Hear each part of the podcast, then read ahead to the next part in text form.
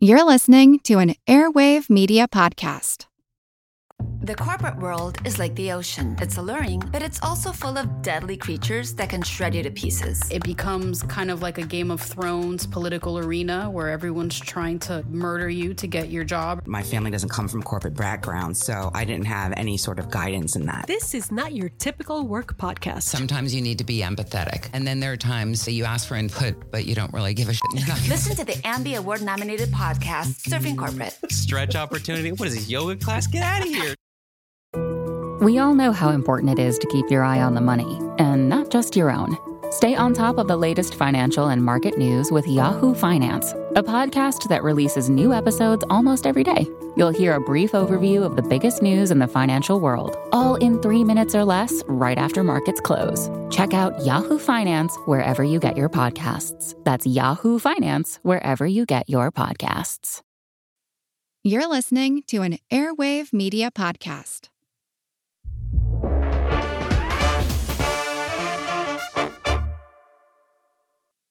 Hey, folks, I want to tell you about a podcast that I think you'll love. It's called Gastropod.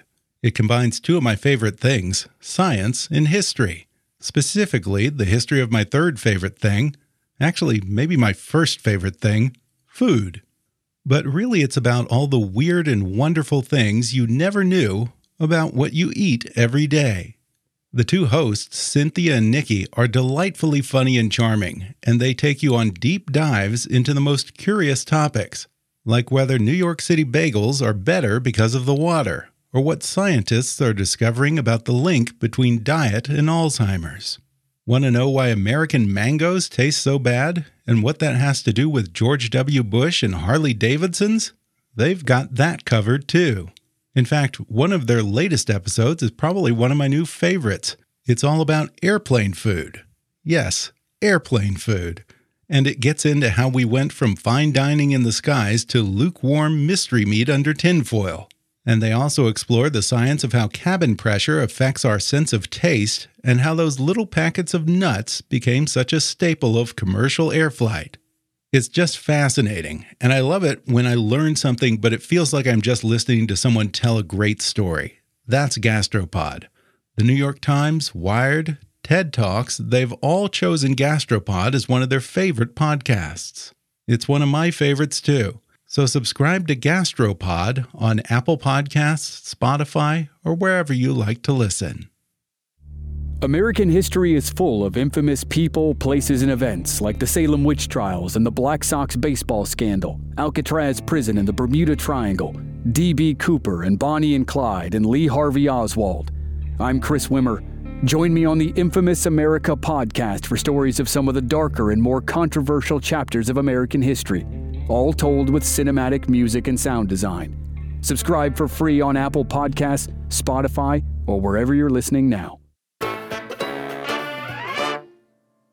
Hi, I'm Ben Mathis, and welcome to Kickass News. All of America, or I should say most of America, was shocked and horrified on January 6, 2021, when alt right protesters violently invaded the U.S. Capitol, resulting in 140 injuries and five deaths. It was a crisis unlike anything in our history, but it didn't come out of nowhere, and it wasn't without warning. As conspiracy theorists like QAnon spread like a virus through the Republican Party over the past five years, many supporters of Donald Trump grew increasingly hostile and violent both in their speech and their actions. But according to my guest today, the roots of January 6th go much farther back than that, and he delves into the history of this in his new podcast, Fate of Fact. Today, I'm happy to welcome Pulitzer Prize winning author and historian Jon Meacham back to the show to discuss the rumblings of conservative discontent that go back to the Nixon and Goldwater eras, how the GOP succeeded in squelching the John Birchers in the 60s but failed to control the radical elements in the party today, and whether or not the Republican Party can be salvaged. Plus, Jon shares what his late friend George H.W. Bush thought of Donald Trump and the rise of the alt right, the future of QAnon, and much more. Coming up with Jon Meacham in just a moment.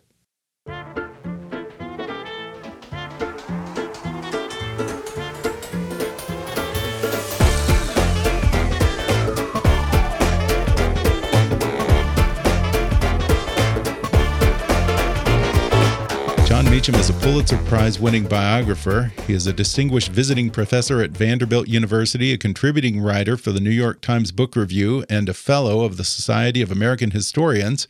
He is also the host of the podcasts Hope Through History and It Was Said.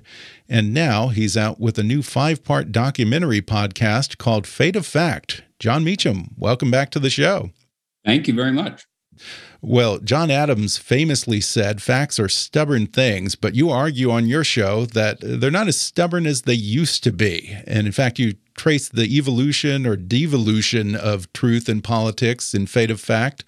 You certainly seem to be a man on a mission, Jon. What is your goal with this podcast? Well, yes, uh, facts are not as stubborn as Adams would have uh, wanted or as we would want them. Uh, you know, the, the mission is pretty straightforward. America is at her best when we actually agree on the contours of reality. Uh, we can then disagree and should uh, about what to do about that reality. But we spin off into chaos and even autocracy when half the country decides they're not going to engage with the evidence of their eyes, but they're just going to make stuff up. And we're seeing that in the most vivid, uh, most tangible, uh, most ambient ways right now. And so my my goal here is not to argue for some crazy liberal departure uh, in American history, but to argue for what is fundamentally, in classical terms, a conservative interpretation of the world, which is, as Edmund Burke had it, you address reality as you find it. Uh, you are skeptical of broad ranging reforms because of the law of unintended consequences, but you at least dwell in an observable and fact based universe. And I think we're in a place where it's not both sides. Uh, it could be. The left could go nuts this afternoon. Uh, you know, I mean, anything can happen, but they haven't yet. And what I wanted to do in the podcast is sort of give people, for what it's worth, my interpretation of the road to January 6th and this enduring cult of personality uh, with the greeter at Mar a Lago. Well, there's also sort of a paradox here in that the people who most need to hear this message are the very people who are most likely to shut down and dismiss it out of hand. So, my question to you is how do you reach them? Yeah, no, it's it's a fabulous question. Uh, you know, I had an old uh, there was an old civil rights reporter who worked for Newsweek magazine for a long time. Uh, was in Birmingham, Montgomery, everywhere. He was based out of Atlanta, and I asked him once back in the '90s, you know, did you have a political agenda when you were covering the movement? And he said, you didn't have to have an agenda. You just tell them the damn truth, and the truth's bad enough. So I, I, I understand the point.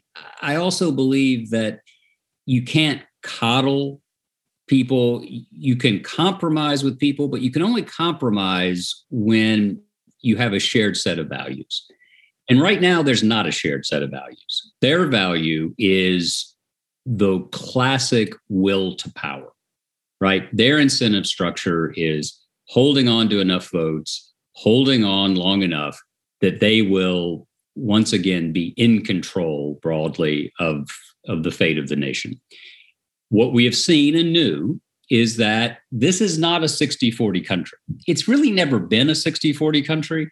Uh, there have only been three presidential elections since World War II where a candidate got 60% of the vote. Three. Uh, Nixon in uh, 72, Johnson in 64, and Reagan in 84. We're much more a 51 49, 52 48 country, which is where Biden is. Uh, and if it weren't for the voters of Georgia, this would be a radically different conversation and a radically different moment but that's okay right i mean that's that's democracy democracy is that if you're on one side and i'm on the other and you win on this given day i accept that result and then i muster my forces to try to beat you the next day. But I accept the rules of the game. The Republican Party, under in the age of Trump, has decided that if the rules run against them, they won't simply play by those rules to win again, but they'll just dismiss them, blow through them. And so, if you believe in the country, and I do, you believe that we are fallen, frail, and fallible, right? We're we're we're all sinful. We're all uh, driven by appetite and ambition. And the point of the country is to limit those appetites and ambitions just enough, just enough to see if we can get to the greatest good for the greatest number. And right now we are, but it is a genuine 50 50 thing, right? It was not even 51 49, actually. The United States Senate is 50 50. And so my, my hope here is that if, if you explain how we got here, there could be those folks who say, you know what, that's right. Let's think think anew and act anew, as Lincoln said. Now, you mentioned January 6th, the insurrection at the Capitol, and I'm curious if the idea for Fate of Fact really began with that event, or was this something that you were already thinking about? No, it's a great question. Uh, it really was. Uh, I have no original ideas. Uh, I've got like five ideas maybe uh, on a good on a good day. And so the, and they find different forms. Uh, and so I, am not pretending that there's anything blindingly original here but i believe fundamentally that richard hofstadter the columbia historian who uh, really is kind of depressing if you do what i do for a living because he's basically said everything and did it about 60 years ago 70 years ago. Uh, he wrote an essay in October 1964 called The Paranoid Style in American Politics. And it was about this inherently dramatic, grievance driven narrative that was largely on the right, where it wasn't just that the communists were against us, it was that people in high places in the United States were active agents of the communist conspiracy. So you weren't you didn't just disagree with Harry Truman. Truman was a communist agent. He didn't just disagree with George Marshall. George Marshall was a communist agent. Eisenhower was that. And so it's the self fulfilling, self aggrandizing narrative. And my, my theory of the case is that one of the reasons the Republican Party was primed to go along with the Trump era was because they have felt betrayed by their champions going back to the Second World War. So if you think about Republican presidents, right, Dwight Eisenhower ends a 20 year drought for Republicans. But what does he do? He functionally ratifies the New Deal. He appoints Earl Warren to be the Chief Justice of the United States, who then gives you a series of Supreme Court cases that continue to inflame uh, the conservative base in the country. You have Richard Nixon, in 1968 who runs one way and then comes in, establishes the Environmental Protection Agency, proposes a guaranteed uh, family income, which nobody could do today. Biden couldn't do that today.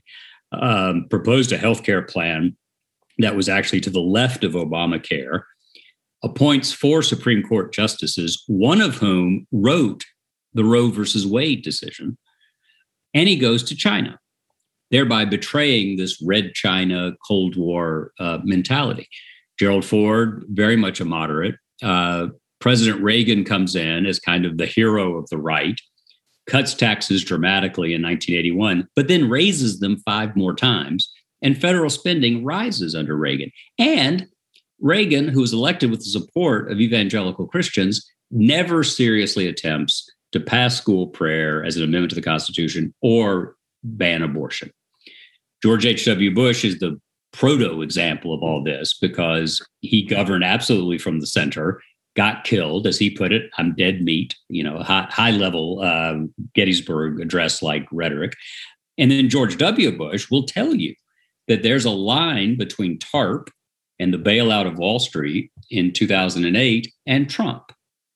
And so you have all this gasoline on the floor, and Trump's a match In 1964 is kind of where you begin the timeline of this. Again, what is the significance of that year? Why not the beginning of McCarthyism in the 40s and 50? Why then? Partly because of Ronald Reagan. Uh, on October 27th, uh, 1964, Reagan goes into a TV studio in, in Los Angeles and delivers a half hour speech on Barry Goldwater's behalf. It is still called The Speech capital T, capital S. Uh, it's like the Sermon on the Mount delivered by, you know, the GE theater host. And if you listen to the speech, which I recommend, it is incredibly well argued. It is full of mind-numbing facts. There's this, there's a funny clip in the first episode where, and I, I remember this and I'd listened to it not long ago, but it's just you know, 68% of 42% of 32%. And you can disagree with it right? You can say, no, government has a role to play in the marketplace. But the son of a bitch knew his numbers, right? Oh, he did. And he spent all those years. I mean, there's a, a wonderful Hollywood detail here. He didn't like flying in the 50s. And he made his living after his contract at Warner's was up. He made his living uh, being a corporate spokesman for General Electric. He did the Sunday night show. I actually have a, I have two theories about Reagan uh, that are not exactly scholarly. Uh, one is not a theory. Uh, Ronald Reagan created Opie. Ron Howard, Ronnie Howard, did a uh, guest shot on GE Theater the night before they were deciding who to cast. And uh, Ron Howard actually credits Reagan with having been really nice on the show and saying something nice about him. The other is that uh, Bonanza won the Cold War because GE Theater was in black and white and Bonanza was in color. And so Hoss drove Reagan off the air, and therefore we, communism is dead. So that's a, again, that hasn't been peer reviewed yet, but I like it. But 64, there are a couple of things going on. Reagan gives the speech. Uh, Hofstadter publishes his essay on the paranoid style. And the uh, 1964 was the launch of the Great Society and the highest recorded moment of public confidence in government. 77% of Americans in the fall of 1964 trusted the federal government to do the right thing some or most of the time. That number is now 17%. So we went from almost four out of five Americans to fewer than to about one in five believing in government. And so I, I think all these forces are kind of there where you have Johnson working off the Kennedy legacy saying, as, as, as Johnson could say in his uh, wonderfully humble way, these are the most important times to be living in since Christ was born in Bethlehem, giving you some idea of where Johnson put himself on the on the spectrum.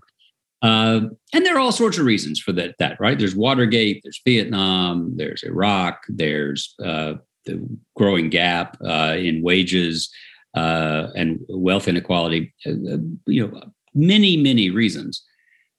But no major party nominated someone, much less elected someone who was so uh, overtly and consciously a purveyor of fake narrative. And going back to Reagan's speech and also Trump, uh, Reagan's approach is rather brilliant because the other thing about it that distinguishes it is he explains his own philosophical journey from Hollywood liberal to free market conservative. We never hear that speech from Donald Trump. Donald Trump, you know, made the exact same journey, although some would say a little bit more cynical and calculated than philosophical, and yet he never gave any explanation of how he went from a New York liberal to an alt-right conservative, and what's worse, nobody cared. Somebody said today, I mean, there's a there's a thing floating around, uh, might have been on Axios. Um, there's a Trump voter, maybe at the Utah convention, that booed Mitt Romney. The guy says Trump doesn't lie; he just says things, and if if they don't seem to be true, they must be true. I mean, that we're talking. This, this is 1930s stuff, and I, have resisted that I, I've I, for a long time. Now I'm not so sure. You know, democracy is fragile. It hasn't endured uh, this long anywhere else. It would be arrogant and stupid and ahistorical of us to assume that it's always going to work out. So we're living in a, in a world where citizenship, which should never be seasonal, is a stress test, and it's a constant one. And uh, I, I do think President Biden is part of his popularity is that he's not front and center for us.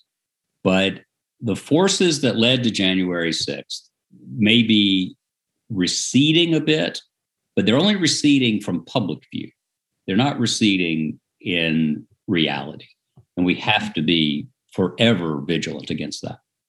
We're going to take a quick break and then we'll be back with more when we return in just a minute.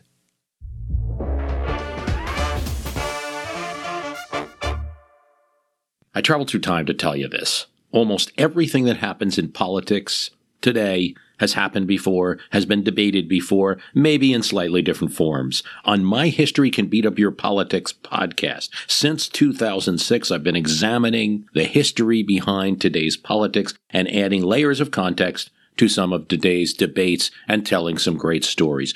I'm Bruce Carlson. Join me at www.myhistorycanbeatupyourpolitics.com or wherever you get your podcasts, Apple Podcasts, wherever else you get your podcasts from. Learn how George Washington and FDR supported vaccines in their time.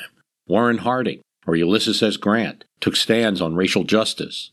John and Abigail Adams and what they had to say about free speech and the press. What Abraham Lincoln had to say on that. What were the conspiracy theories that had to be debated during the debate over the Constitution? Were things more partisan or less partisan in the past?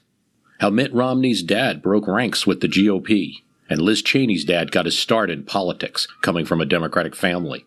And many, many other great stories. And another thing, we're balanced on My History Can Beat Up Your Politics, so I promise you won't be infuriated even if you don't agree. We take a balanced approach. So listen, www.myhistorycanbeatupyourpolitics.com.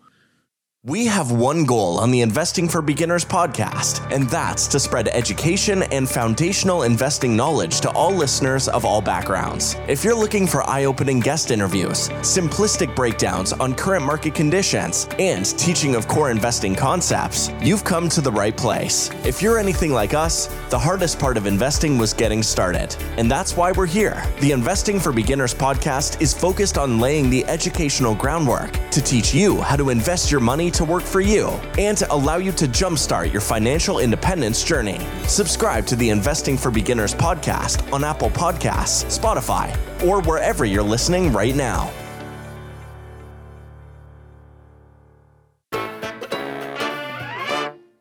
Uh, but looking more broadly at this phenomenon of alternative facts and quote unquote fake news, isn't that something that's always been there? I mean, if we look back at the political campaigns of the 19th century and even some of the founding fathers, there was always deliberate disinformation, outright slander, yellow journalism. Is it really any worse today, or is it merely that it's just amplified and has a farther reach?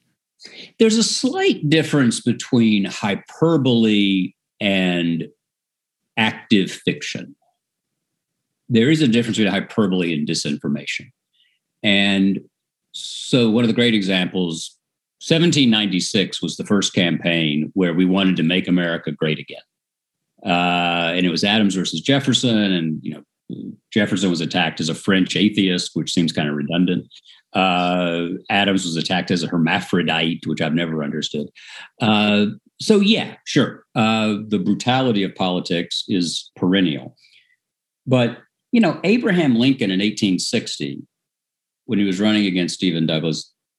Let me put it this way Stephen Douglas in 1860 did not say on the day after the election it was stolen. And in fact, there were plans to try to disrupt the electoral college count in 1860 61. And Winfield Scott, the head of the military at the time, shut it down. Um, so, hyperbole, division, passion, absolutely we could spend the next five years talking about examples of that. But an American president and the leader of one of the two major parties actively disseminating clearly false information and having that information be accepted as true by an extraordinary number of otherwise seemingly normal Americans is different. Well, I want to ask you then because whenever I talk to historians like yourself about current events, I'm always surprised that they can usually come up with a precedent or a comparable moment in American history for just about anything, even when it comes to a lot of this alt right populism and some of the more shocking events of the Trump presidency. But I have thought really hard and I cannot come up with anything comparable to January 6th. Is that truly an unprecedented event? I think it's the civil. I think the Civil War is the example where you had two competing visions of reality that we adjudicated on the battlefield. Um, the Confederate states, the rebellious states, had their own interpretation of religion. They had their own interpretation of the Constitution. They had their own interpretation of race, which was interestingly more widely shared in the North than we we tend to remember. Um, and we had to adjudicate it by the sword. And so and I, and whenever you say since the Civil War, you need to be careful, and I say that with with all care. Um, you know, I, I, can find all. I wrote a book about this. I, I, I can find all sorts of things where you know FDR in 1933 there was a Wall Street plot to throw him out of the White House because he was changing capitalism. Uh, you had uh, Huey Long on the left, you had Douglas MacArthur on the right. FDR, on the night he took the oath of office, was having a glass of whiskey and going to bed like a good Episcopalian.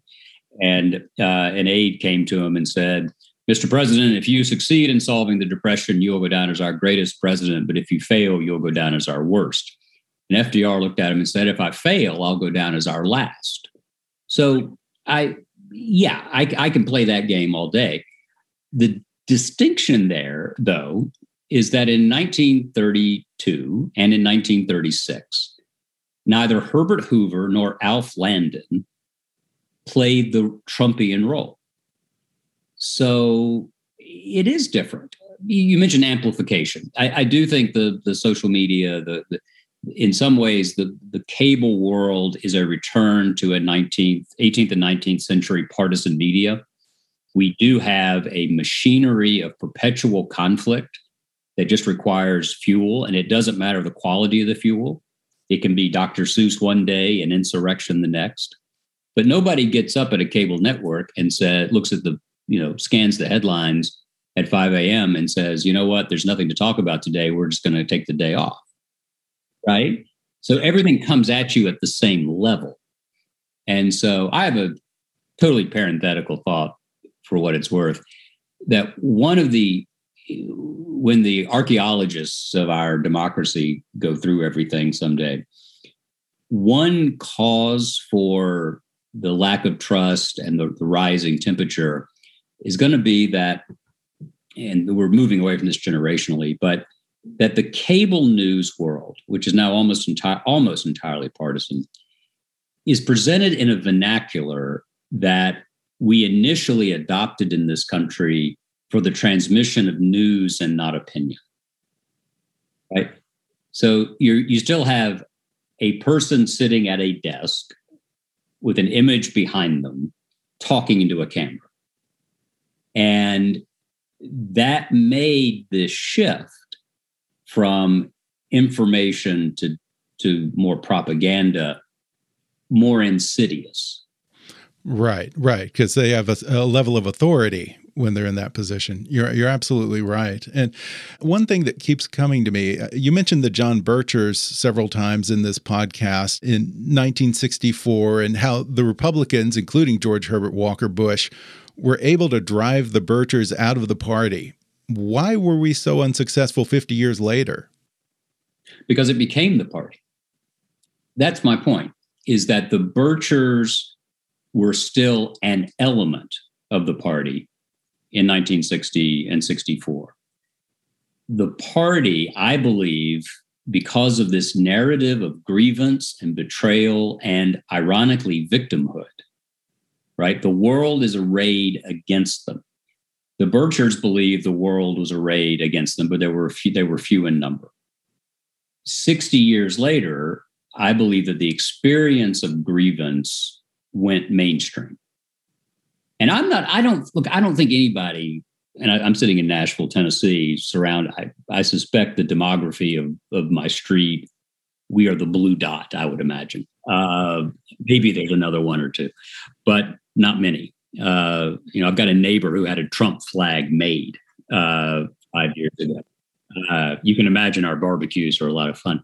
Uh, but I'm not saying that they went, you know, when when Jeb Bush and, and Rubio and those guys collapsed, I don't think they all sat there and said, you know what, this is a lot like Eisenhower ratifying the New Deal. I'm going to no, they're not thinking that way. But what they are thinking is they didn't want Hillary Clinton raising their taxes or picking judges.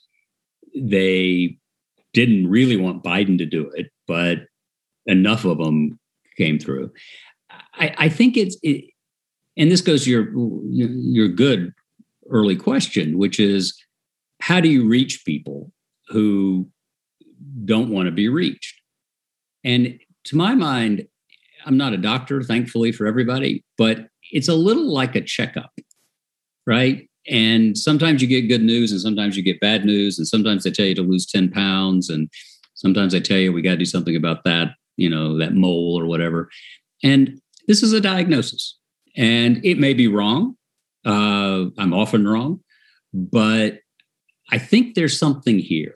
And what's and what I hope is that people who have become captive to their own narrative of grievance while attacking everybody else who seems to be aggrieved may be able to see that this cognitive dissonance is bad for the country they profess to love. And I love this country. You know, I'm I'm not uh, I'm not William Lloyd Garrison, you know, who burned the Constitution in the 1850s and said it was a pact with the devil. I'm with Frederick Douglass, who said there's there's no soil so congenial to grow the growth of reform than American soil. But if you believe that, then you have to defend these principles. And one of the principles is reason matters.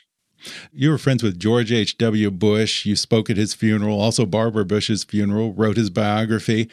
He really represented that dying breed of the Republican Party. Uh, did you ever speak with him about what happened to this country in the past five years? Uh, can you give us some insight into uh, how he viewed all this? The president died in 18. He was kind of befuddled by Trump. Uh, I think that that might be a little strong. Uh, what I think it's safe to say that he saw this as the flowering of the the plants he had tried to prune starting in the 60s and there's a, a wonderful diary entry it's in one of the episodes um, it, from 88 remember pat robertson ran for president in 88 and won a straw poll in Michigan. And I think I think did really well in Iowa. And there was a woman who walked up to Bush, Vice President of the United States. Uh, and whether you agree or disagree with George Bush, he was, you know, a nice man. And she starts spewing at him, a lot of, of staring at him and, and being unkind. And and he he he gave he, he dictated into his diary with a tape recorder. And he said later, it's just ugly, ugly, ugly, and no compromise. They're trying to take over the party. Uh, you know, his father had been in the Senate from Connecticut. Uh, he really did believe that the party had to represent different points of view. Uh, he was right in the middle of it. And to some extent, his political, uh, the price he paid politically as president was that he, as his son would later say, he misunderestimated uh, the the right swing of the party. Um, for Bush Senior, it's it, it's a complicated question, obviously, because of his sons, right? Uh, he, he, had, he had a two term. But what I think is, and he's out there talking about immigration, and George W. Bush couldn't get nominated today in that party in a 20 year cycle. 20 years.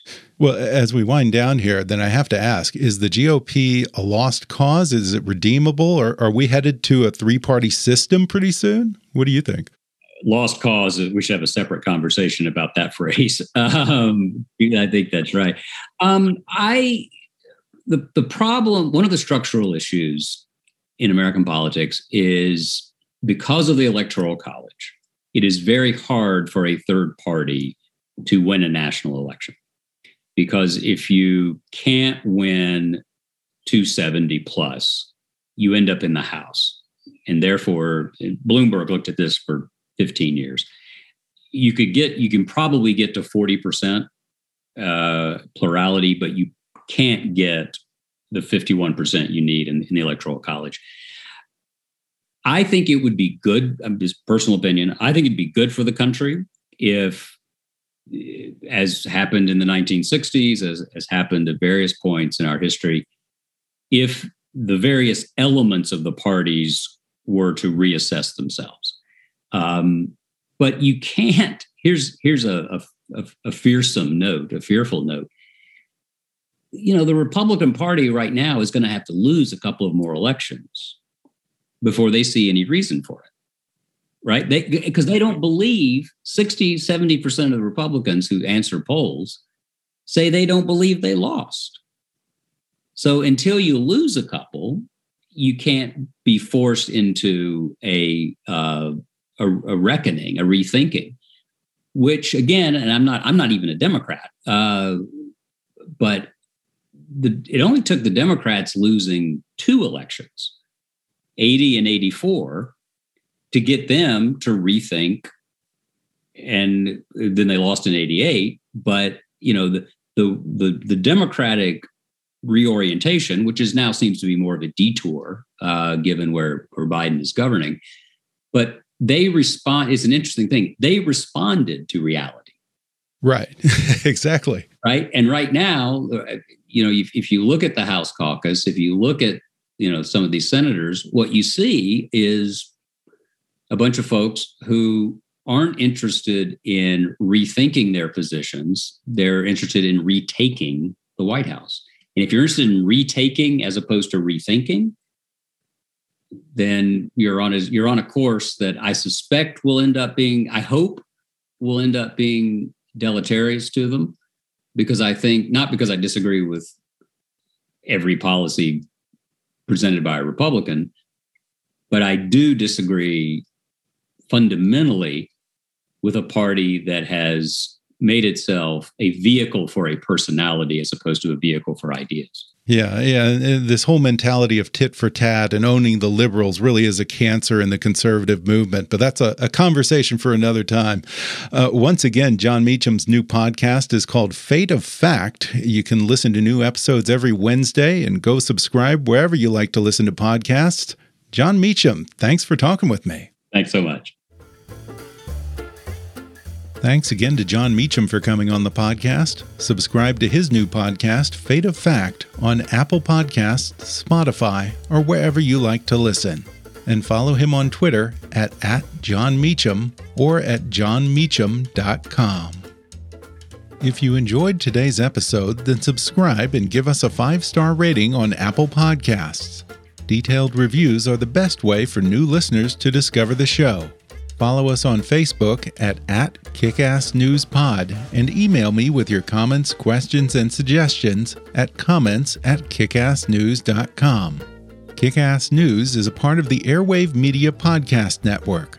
Visit airwavemedia.com and check out some of our other shows like Food with Mark Bittman, Movie Therapy, Investing for Beginners, My History Can Beat Up Your Politics, and many others. For now, though, I'm Ben Mathis, and thanks for listening to Kickass News.